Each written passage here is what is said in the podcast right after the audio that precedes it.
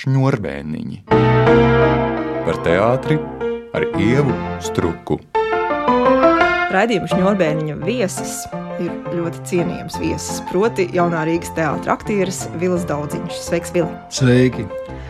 Nu, negribējās jau man tevi aicināt un traucēt, bet, ja tu noskaties izrādi Žižeks Petersons gadsimta duelis, tad nevar atlikt šo sarunu par pusgadu vai gadu. Nācās aicināt, jo izrāde ir gan skatītāju mīlēta, gan jāatzīst godīgi arī manis mīlēta. Tas būs droši vien centrālais objekts, par kuru es ļoti labprāt gribētu ar eh, tevi parunāt, bet, protams, arī pieskaroties dažiem citiem nesenākiem darbiem. Tu spēlēji Slaviju Žižeku, Kaspars spēlē Jordanu Petersonu. Kā jūs šos pasaulē zināmos intelektuāļus savā starpā sadalījāt tieši kā lomas?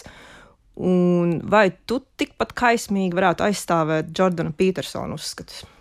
Jā, protams, es varētu aizstāvēt Jordana Petersona uzskatus, bet uh, tā liktenis bija lēmis. Alvis, uh, manuprāt, savā galvā jau redzēja, kurš būs kurš. Tā bija viņa ideja, vai ja varbūt raugās vēl senāk, tad iespējams tas pat bija Kaspars Notiņš, kurš bija klausījies Jordana Petersona podkāstus, lasījis, un tad gluži vienkārši iedevis Alvim paklausīties vai palasīt, ne ar domu, ka būs izrāde. Nu, bet pēc kaut kāda laika Alvis nāca klajā ar domu, ka būtu interesanti uztaisīt šādu divkauju, jo precedents dabā, protams, ir. Viņi abi ir ļoti populāri, viņi ir akadēmiskās popkultūras pārstāvji, ja drīkst tā teikt. Tas, protams, tāds kalamburs, bet viņi ir tie ideoloģisko virzienu tādi redzamie pārstāvji. Varbūt tie citi, kas uh, konsekventi arī aizstāv vienu vai otru virzienu, konservatīvu uh, vai liberālu, vai tie, kas ir kaismīgi marksisti, viņi sēž mājās pie rakstām galda un raksta, un raksta, un raksta, un raksta, un tad to uzskata par savu pienākumu un arī to veidu, kā viņi var nest pasaulē domu par marksismu vai domu par kapitālismu. Šie vīri ir pavisam citāda veida cilvēki. Viņi nāk pie ļaudīm, ja drīkst tā teikt.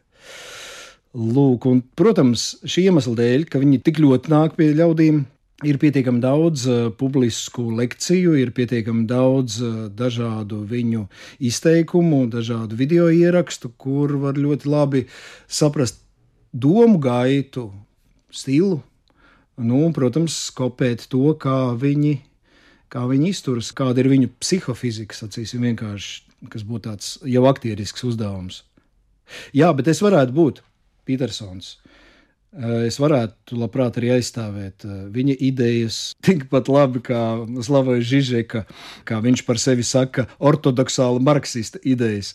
Man tas liekas brīnišķīgi tieši šī divdabība, jo galu galā kaut ko līdzīgu es biju kādreiz pamēģinājis vecstāvā, eh, nostāties dažādās pozīcijās un pamēģināt nevērtēt pamēģināt eh, līdzjust vai būt eh, vienas vai otras pozīcijas aizstāvim. Nu, šoreiz loma man ir marksists Žižeks, par ko es esmu ļoti priecīgs, jo, protams, viņš ir ārkārtīgi garšīgs. Lai viņu mēģinātu parādīt uz skatuves, protams, viņam ir savas fiziskās īpatnības un, acīm redzot, kaut kāda nervu tiki, kas liek viņam raustīt kreklu un degunu nepārtraukti, un uh, vēl viņš mazliet šļupst, vai pat tīri stipri šļupst, tīpaši tad, kad viņš kaismīgi kaut ko stāsta. Bet tas viss kopā veido šo viņa neatvairāmo tēlu, un par to es domāju, viņu mīl studenti vai visi tie, kur viņš uzstājas, nu, bezgalīgi. Jo viņš, protams, nopērk arī ar savu entuziasmu, ar savu aizrautību kā kārtīgs marksists. Un, protams, viņam ir brīnumains veids, kā viņš padara savas lekcijas interesantas. Eh, gluži vienalga, vai viņš runā par Marksu, vai par Hegelu, vai par Lakānu. Laika pa laikam viņš tur visur iemāna iekšā kādu ebreju anekdoti vai kādu citu anekdoti. Un, protams, šāds piemērs ar anekdotēm, kas ir tik paradoxāls, bet reizē tik trāpīgs, nopērk jebkuru klausītāju, pat tad, ja viņš atrastos ideoloģiski pilnīgi pretējā pozīcijā. Vienkārši nopērk, tāpēc ka tu ieraugi to brīnumu, kā cilvēks spēj izteikties, kā cilvēks spēj sakonstruēt savu domu tā, ka tev būtībā pirmajā brīdī nav nekādu pretargumentu. Nu, tu saki jā, tev nekas cits neatliek, tu vienkārši ņem un piekrīti.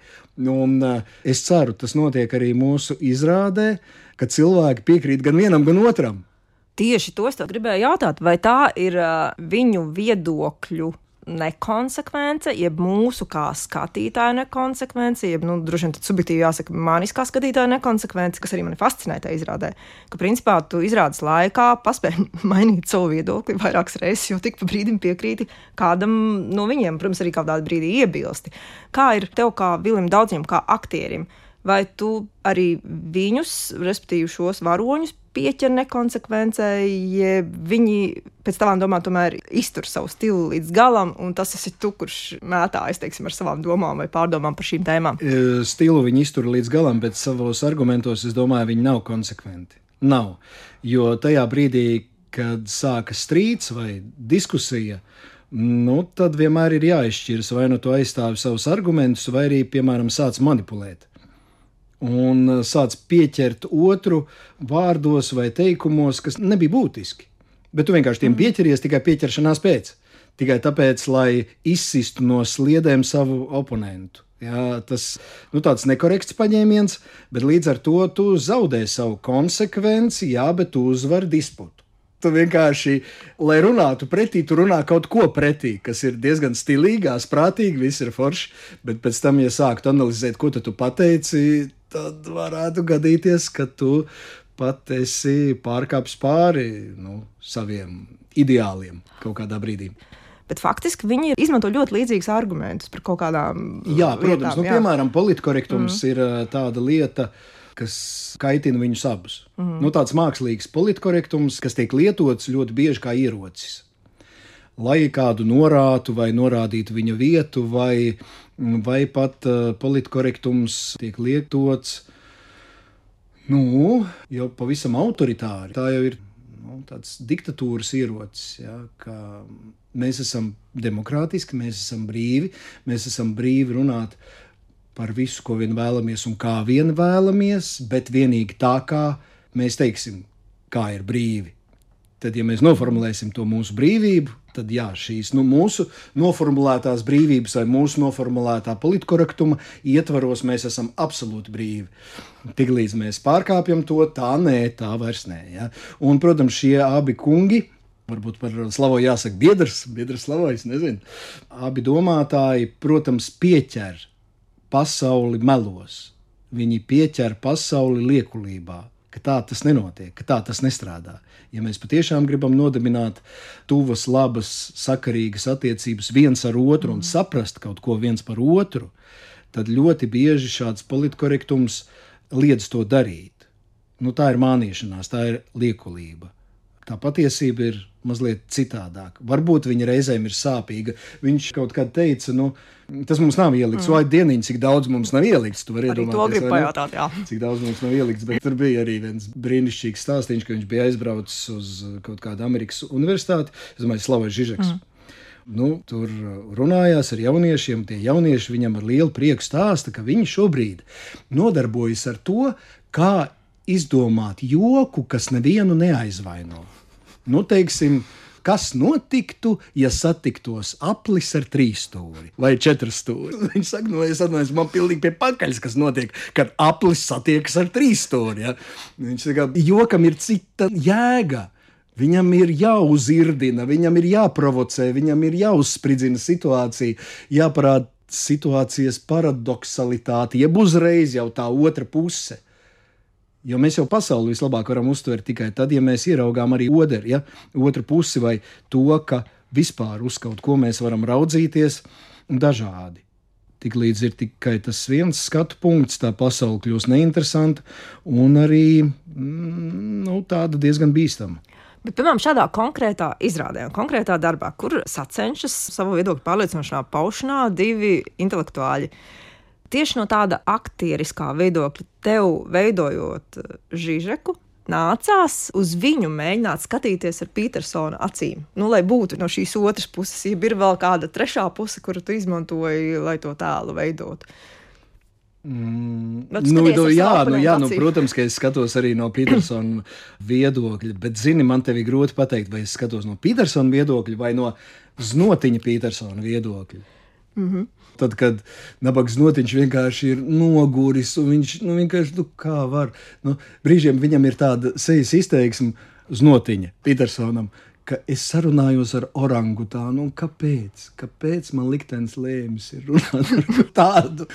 Tādu sarunu biedru. Nu, vai tad tiešām nevar, piemēram, uzvilkt uzvalku, baltu kreklu, nu, melnas kurpes un garas zeķes, un tā, lai nav redzama kājas, palvainā, balā un nīkulīgā, kaut kas tam līdzīgs. Ja? Bet tā tas ir. Nu, viņi ir pilnīgi atšķirīgi šai ziņā. Ja Petersonam ir ļoti svarīgi arī šis ieturētais stils kas tāds uzsvērti elegants un vienmēr nozīmē to, ka es šādi ģērbjoties cienu visus tos, ar kuriem es sarunājos, es cienu savu auditoriju, publiku, savu sarunu biedru. Es vienmēr esmu savākts, korekts, saķemējies. Es esmu savācies, lai izietu un runātu ar kādu. Tad Žižeks ir pilnīgi pretēji. Nu, pilnīgi vienalga. Absolūti vienalga, kāds viņš izskatās, ko viņš tur ir uzvilcis vai nu draudzene vai sieva viņam iedavusi kaut kādu teikrāklu, to pašu viņš ir uzvilcis, ar to pašu viņš ir aizgājis. Tad viņš tur kaut kur tur ir bijis, kaut kur gulējis. Jo viņam, laikam, cik es lasīju, patīk ļoti pagulēt. Un tad viņš padomā par to, cik šausmīgi ir slinkot un cik šausmīgi viņš ir slinks. Tad viņš beig beigās ķeras un raksta grāmatas. Lūk, par šo es arī gribēju jautāt. Kā tev šķiet, tagad, kad tu esi veicis pētījumu kopā ar Kasparu Notīnu Alhu Hermani? Kā daudz domātāji kļūst par daudz runātājiem. Jo man kādā ziņā tas liekas arī diezgan nesavienojamas lietas. Un es, piemēram, tiešām arī palasīju, ka tāds pats slavēts Žižeks pandēmijas laikā vien ir ne tikai uzrakstījis, bet viņš ir izlaidis četras grāmatas. Es domāju, nu, cik ir pandēmija ilgusi, nav trīs gadi pat, ja? Mm. Četras grāmatas. Uh, kurā brīdī tas pārvēršas jau, nu, ka tas ir tāds ūdenskritums, kas gāžas. Respektīvi, vai tas jau robežojas ar tādu grafomāniju, vai, vai tomēr tas ir jā, šī Viņa gadījumā situācija. tā ir nepieciešamība, es mm. domāju. Nu, var būt, ka grafomānija arī ir kādam nepieciešamība. Nu, tā to arī var traktēt, ka tā ir tāda vajadzība vai eksistences forma. Jā, viņam arī eksistences forma, bet viņam dzīve kā domātājam piedāvā paradoksus, un, piemēram, pandēmija ir brīnišķīgs paradoks kā mēs paši sev kaut ko aizliedzam, kā mēs kaut kam noticam, kā mēs izvēlamies kaut kam ticēt, kā rodas sazvērestības teorijas. Par to, ka kāds to visu ne, izmanto, nu, varbūt izmanto arī, ne, un, un farmakoloģiju, un tā tālāk. Un tā tālāk. Un tam visam pa vidu mēs, tam visam pa vidu valdības ar kaut kādiem ierobežojumiem un strateģiski tālākiem plāniem, kas tad notiks pēc tam. Un viņš uz to reaģēja. Un tā arī būtu jābūt. Viņš reaģē uz to, kas notiek tagad. Viņš nav cilvēks, kurš nepārtraukti pēta un pēta un vēlreiz pēta, piemēram, Marksa kapitālu vai Marksa mantojumu vai vispār marksistu mantojumu, mm, vai Leņķina, piemēram, vai Trotska. Nu, nē, nu, viņš par to ir rakstījis, ir uzrakstījis, un viņam nav vajadzīgs par to vairāk rakstīt. Viņš reflektē par to, kas šobrīd notiek kā cilvēki tomēr varētu salīgt savā starpā un dzīvot brālīgi. Nu, lai arī cik tas tagad jokaini neskanētu, vai ne? Bet tomēr. Es varētu uzreiz jau pajautāt, kas ir tas varbūt būtiskākais, kas palika ārpusē? Jo tiešām ir tā sajūta, ka. Nu, Ukraina. Ukraina palika tēma, ārpusē. Tēma jā. kā tāda. Jā, jā, jā mm. tāpēc, ka gan viens, gan otrs par to ir mm. izteicies, bet karš mm. turpinās ja mēs paliekam kaut kur tajā, ko viņi ir teikuši, piemēram, februārī un martā, Jā. kad sākās karš, nu, jādomā, viņi jau ir paguvuši kaut ko pateikt citu šobrīd, kad ir pagājuši jau deviņi mēneši. Līdz ar to tas nestrādātu izrādē. Un, protams, tad arī skatītāju uzmanība aizietu tikai uz to vienu. Vai viņi ir par to vai pret mm. to, jā, vai, vai tā vai šā. Nē, nu, kopumā ņemot, protams, ka viņi abi ir izteikušies par to, ka tā ir kaut kāda šaušalīga agresija un, un ka, nu, protams, ka pret karu, protams. Mm. protams. Bet runājot piemēram, par dzīves pieredzi, protams, primāri es gribu jautāt, vai šāda izrāda ir iespējama tad, kad aktieris ir jauns. Vai tas ir tomēr lielais nopelns jūs, ka jūs varat tik brīvi peldēt ar savu dzīves pieredzi šādā materiālā un nu, pārstāvēt jā. viedokļus? Nu, jā, es domāju, ka tur liela loma ir arī mūsu vecumam. Jā. Tomēr ir zināms daudzums notikumu jāpiedzīvo savā dzīvē, ir arī kāds grāmatas jāizlasa, ir kaut kas jāredz. Ir, jāiemācās arī pašam reflektēt eh, ar laiku, ar to, kas notiek tev apkārt, ar tavu valsti, tavu tautu un taviem cilvēkiem un teātri.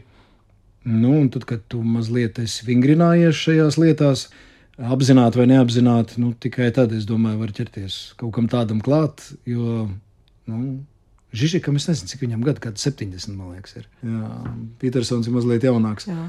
60. Mm. Bet kādēļ es par šo vecumu ierunāju? Nu, protams, skaidrs, ka es tev uzdodot šo jautājumu, arī zināju atbildi. Bet um, nu, man ir tā sajūta, ka jo ilgāk dzīvo, jo principā tava pārliecība par viedokli sarežģītos jautājumos kļūst aizvien relatīvāka un nosacītāka. Un tu tiešām ieraugi mm. tik daudzus aspektus, kā uz vienu lietu var paskatīties, ka um, no vienas puses, tu nevari nodot savu pārliecību, vai arī tik vecmodīgo vārdu kā ideāls, un no otras puses, tu tik ļoti arī redzi, jā, jā. ka tā pasaule var kardināli pat atšķirties no tā, kā tu viņu redzi, un tu spēj pieņemt, ka, nu, vienkārši ir daudz un dažādi viedokļi. Un tad šo divu arī dižo domātāju kontekstā, kā tas iet kopā ar to pieredzi, jo faktiski tiešām ir cilvēki gados, un tomēr konsekventi cīnās par vienu vai par otru ideju. Kā tev šķiet, kāpēc viņi nedzīvo šajā tādā relatīvismu sajūtā, ka nu, faktiski jau visi viedokļi vienlīdz var pastāvēt un būt kopā. Nu, redz, piemēram, mēs no tās īstās viņu divkaujas, kas notika Toronto 19. gadā, redzam, ka patiesībā sakot, nekāda prātīgā divkauja nesanāca. Es domāju, ka bija gaidījuši pamatīgi plūkšanos, tika maksāta liela nauda, uz viņiem tika likts, mm. tā teikt, kā likmēs, jā, kā uz diviem bokseriem, bet uh, neizšķirts. Mm. Neizšķirts. Un neizšķirts nevis tāpēc, ka viens otru tur nevarētu pārliecināt, nu, tas būtu muļķīgi. Ja pēc teiksim, divām vai trim stundām pēkšņi Petersons sāktu piekrist ja slavojam vai slavēs Petersonam mm. ja, tādos centrālajos dzīves uzstādījumos. Nē, bet tāpēc, ka abi ir pieklājīgi cilvēki. Tāpēc, ka abi ir sasnieguši to attīstības pakāpi, ja drīkst tā teikt, kad viņi saprot, ka, piemēram, otra apvainošana, muļķīga izaicināšana neko nedod. Tas nav interesanti. Interesants ir kaut kāds cita līmeņa disputs. Interesants tad, kad tu vari savam pretiniekam arī piekrist. Nevis principā nostājies vienmēr mm. tikai pret, bet tu viņu dzirdi, un tev ļoti patīk, ka ir šie slāņi, šie līmeņi, kur jūs piekrītat viens otram, kur jūs saprotat viens otru nu, tad tu ieraugi, nu, jā, nu, tas, tas tā, ir kaut kas. Jā. jā, tas ir kaut kas. Nu, tu ieraugi vienkārši divus gudrus, pieklājīgus cilvēkus, lai arī katrs ir uh, stilā pilnīgi cits. Bet um, nu, veids, kā viņi domā, tā ekvilibristika, doma, ekvilibristika vien ir tā vērta, lai klausītos un klausītos. Nu, viņu tas Toronto diskusijas uzstādījums ir, kas padarīs cilvēku laimīgu. Tātad nu, marksisms vai uh, konservatīvisms. Un tad mans jautājums ir uh, nevis tev kā slavēju Žižika tēlotājiem, bet kā Vilim Daudziņam, kā tev šķiet, nu, kas tad padarīs viņu laimīgu? Man ir gandrīz vai jāpiekrīt slavējam Žižikam, tāpēc, ka viņš saka, ka, nu redz, ja jūs tā uzmanīgāk pavērosiet, tad jūs konstatēsiet, ka ka tas, ko valstis šobrīd un valdības ļoti daudz, kur nu īpaši jau rietumos dara, zināmā mērā jau ir tas komunisms, par kuru runā Žižeks. Mm. Tas nozīmē, ka privāta īpašums nav atcelts un uh, brīvais tirgus nav atcelts, bet tajā pašā laikā ir svarīgi, lai mūsu priekšstāvi, lai tā valdība, kas tiek ievēlēta, spēj tālredzīgi ieraudzīt tās vitāli mums nepieciešamās lietas, kuras tiek ārpus jebkāda brīvā tirgus nostādītas kā prioritāte, lai nodrošinātu mūsu vai tautas, vai nācijas, vai sabiedrības izdzīvošanu. Tie ir tādi svarīgi jautājumi, kurus tas ir būtiski, lai valsts amatpersonas, lai politiķi tos ierauga, definē paši priekš sevis un spēj konsekventi tam sakot. Vispārējais, protams, brīvais tirgus šobrīd nekā labāka nav, jo, jo šķiet, ka tas laikam ir cilvēka dabā. Šāda sacensība un bez sacensības arī nav nekādas izaugsmas vai virzīšanās uz priekšu. Grūti to iedomāties. Tomēr ir jābūt jā, konkurencei, brīvai konkurencei visur, mākslā, zinātnē, biznesā, visur, jebkur. Jūs klausāties raidījumu šņurbēniņu. Ar jaunā Rīgas teātra aktieru Vilnu Daudziņu sarunājas Ieva Struka.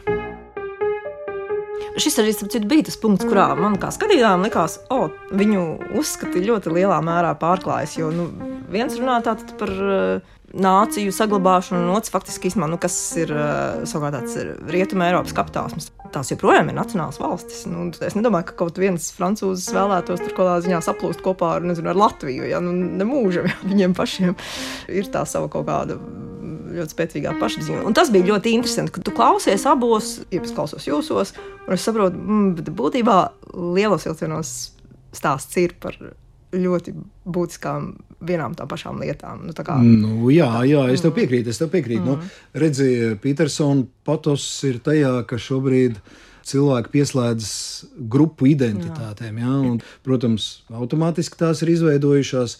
Ka es esmu latvietis, ka es esmu labi, pieņems, aktieris, jā. un vēl, un vēl, un vēl, un tā mēs katrs priekš sevis varam definēt kaut kādus mm, laukus, kuros mēs dzīvojam un jūtamies labi, kuros mēs radām. Uh, Bet tajā pašā laikā ir kaut kādas mākslīgas konstrukcijas, kuras viņam šķiet bīstamas. Tieši tāpēc, ka mēs dzīvojam tajā mm. kapitālismā, tieši tāpēc, ka tāda pārticība mums ir, viss jau ir kārtībā, un tad tiek izdomāti vēl kaut kādi, kaut kādi veidi, kā cilvēkam sevi identificēt, un tas vēl nebūtu nekas. Problēma rodas tad, kad cilvēki, kas ir izdomājuši priekš sevis kādu jaunu identitāti, pieprasa no citiem to respektēt. Un tā aizvien no jauna, un no jauna, un no jauna. Un tad, kur tad tam ir kaut kāds gals redzams? Ja? Un, protams, tas ir liels jautājums. Varbūt tā arī vajag. Tas jau arī ir pārdomu vērts. Šobrīd zemeslode tiek apdzīvota jau ar astoņiem miljardiem personāžu. Nu, tas būs aizvien nopietnāks jautājums, kā viņi paši identificēsies un kādās grupās. Nu, ja mēs pieņemam, ka Žižeka un Petersona dueļa tēma ir šāda, kas tiešām tev liktos interesanti. Daudziņa un znotiņa disputa tēma, publiska disputa. Redz, mēs gandrīz vai pieskārāmies šim jautājumam. Tas ir um, reliģijas jautājums, ticības jautājums. Es nezinu, vai gluži mans ar znotiņu tas būtu disputs, bet vispār man tas mm. interesē. Kristietības fenomens, ticības jautājums kā tāds vispār, ticēšanas cik ļoti tas ir eh, mums dabiski, vajadzīgi, vai tomēr tas ir kaut kādā veidā radies. Es nevaru pateikt, ka tam ir zināms sakars ar Elvīru Baldiņu, kurai ir 103 gadi. Un uh, Elvīra Baldiņa ir attīstīta. Nu, vismaz tā viņa pat par sevi saka. Viņš Tas ir visai dievturi. dīvaini mm -hmm. cilvēkam tādā vecumā. Viņa pilnīgi noteikti nav arī dievturi. Viņa Viņa mīl to dieviņu, kurš ir mūsu tautas dziesmās. Un es nedomāju, ka tā ir divturība. Tas ir kaut kā citādāk. Viņa zina tik daudz tautas dziesmu un ir tik daudz arī runājusi par to un runājusi tautas dziesmas. Nu, piemēram, lēni, lēni dieviņš brauc no kalniņa līņā, netraucēja ievas zieda, neārāja gājumiņa. Proti, runa ir par kādu ārkārtīgi tolerantu personu, kura ir tik uzmanīga, ka zina, ka, ja samīst tur tos rudus vai miežus vai jebko citu, ko zemnieks ar milzīgām pūlēm ir audzējis, tad būs slikti, tad viņam nebūs ko ēst. Un tāpēc dieviņš, latviešu dieviņš, tas, -hmm. kurš ir dainās, ir ļoti, ļoti uzmanīgs. Vai kā teica Elvīra Baldiņa, tas ir vislabākais latvietis nu, tāds ideālais latvietis, ideālais cilvēks, kādu mēs varam iedomāties, tāds ir dieviņš. Viņš ir viena auguma ar mani, viņš nav augstāks, viņš nekad nebaras, nekad nevienu nenolāda. Tādu tautas dziesmu nav. Mm. Nekad nesola, kā atriepsies bērniem, nu, līdz septītam vai jebkuram citam augumam. Īsāk sakot, pilnīgs pretstats tuvo austrumu dievam. Cik jocīgi, vai ne? Un man šie jautājumi liekas ārkārtīgi interesanti. Es nezinu, kā par tiem varētu izveidot izrādi, bet es domāju, ka varētu. Bet varbūt tā nebūtu izrāde, varbūt tā tiešām būtu saruna, vai tā būtu ar znotiņu. Es labprāt gribētu arī ar znotiņu. Es gribētu vispār tādu sarunu par šo jautājumu, kāda ir tā latviešu ticēšana. Bet varbūt es tagad pavisam novirzos no tava jautājuma, ko tad es runātu ar znotiņu. Bet kāpēc ne par šo? Jā, jā, par šo mierīgi. Par šo arī. Jā. Ja jums vajag tekstu atlasēt cilvēku, es labprāt piedalos. Pieņemts. Bet, lai mēs neizsludinātu jau datumu, jā, jo tas jau vēl ka šī virzienā, es tomēr gribu paiet vienu soli atpakaļ un pieminēt arī izrādi Viss zem debesīm, kur tu spēlē vairākas lomas. Bet, nu, vienā teikumā pasakot, tiešām runa ir par Ķīnu, un tā ir arī divu cilvēku izrāde, kas strādā kopā ar Gunu Zariņu. Viņa spēlē latviešu dzinieci Astrīdu, kura dodas ceļojumā pa Ķīnu. Nevis no politiskā aspekta. Es pirms varētu jautāt, vai tev Ķīna šodien šķiet tālu vai tuvu Bet teātris mākslas kontekstā es šo izrādi atcerējos un gribēju arī pieminēt tādēļ, ka man liekas, nereti aktieris saka, nu, šī izrāde ir izveidota, mēs šīs tēmas attiecinām tikai uz to izrādi, vai arī vispār izrāde ir beigusies, mēs noliekam plauktiņā. Bet nu, jaunā Rīgas teātris specifika ir tā, ka tās izrādes ļoti ilgi turas repertuārā. Vai un kā iedzināšanās vai pētīšana, kas tad ir tas teiksim, Ķīnas fenomens, vai tas jebkādā veidā ietekmē tevi un tavu domāšanu tajā brīdī, kad, piemēram, strādā pie šādas izrādes kā Žižeks un Petersons. Un savukārt, vai tagad, kad jaunākā izrāda, piemēram, Žižeks un Petersons, vai tas ietekmē to, kā tu spēlē visu zem debesīm? Respektīvi, vai tās kārtas savā starpā sadarbojas, viena otru ietekmē, Un, rupi sakot, vai, piemēram, ar šī brīža informatīvo arī bagāžu, vai tu kaut vai to pašu vecstāvu spēlētu citādāk, kas arī, teiksim, ir pētniecības darbs.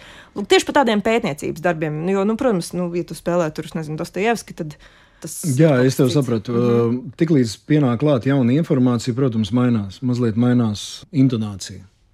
Bet drīzāk es to teiktu citādāk. Piemēram, pēc kara spēlēt vecstāvu bija citādāk nekā pirms kara. Tas jā, bez šaubām, tas to ietekmē.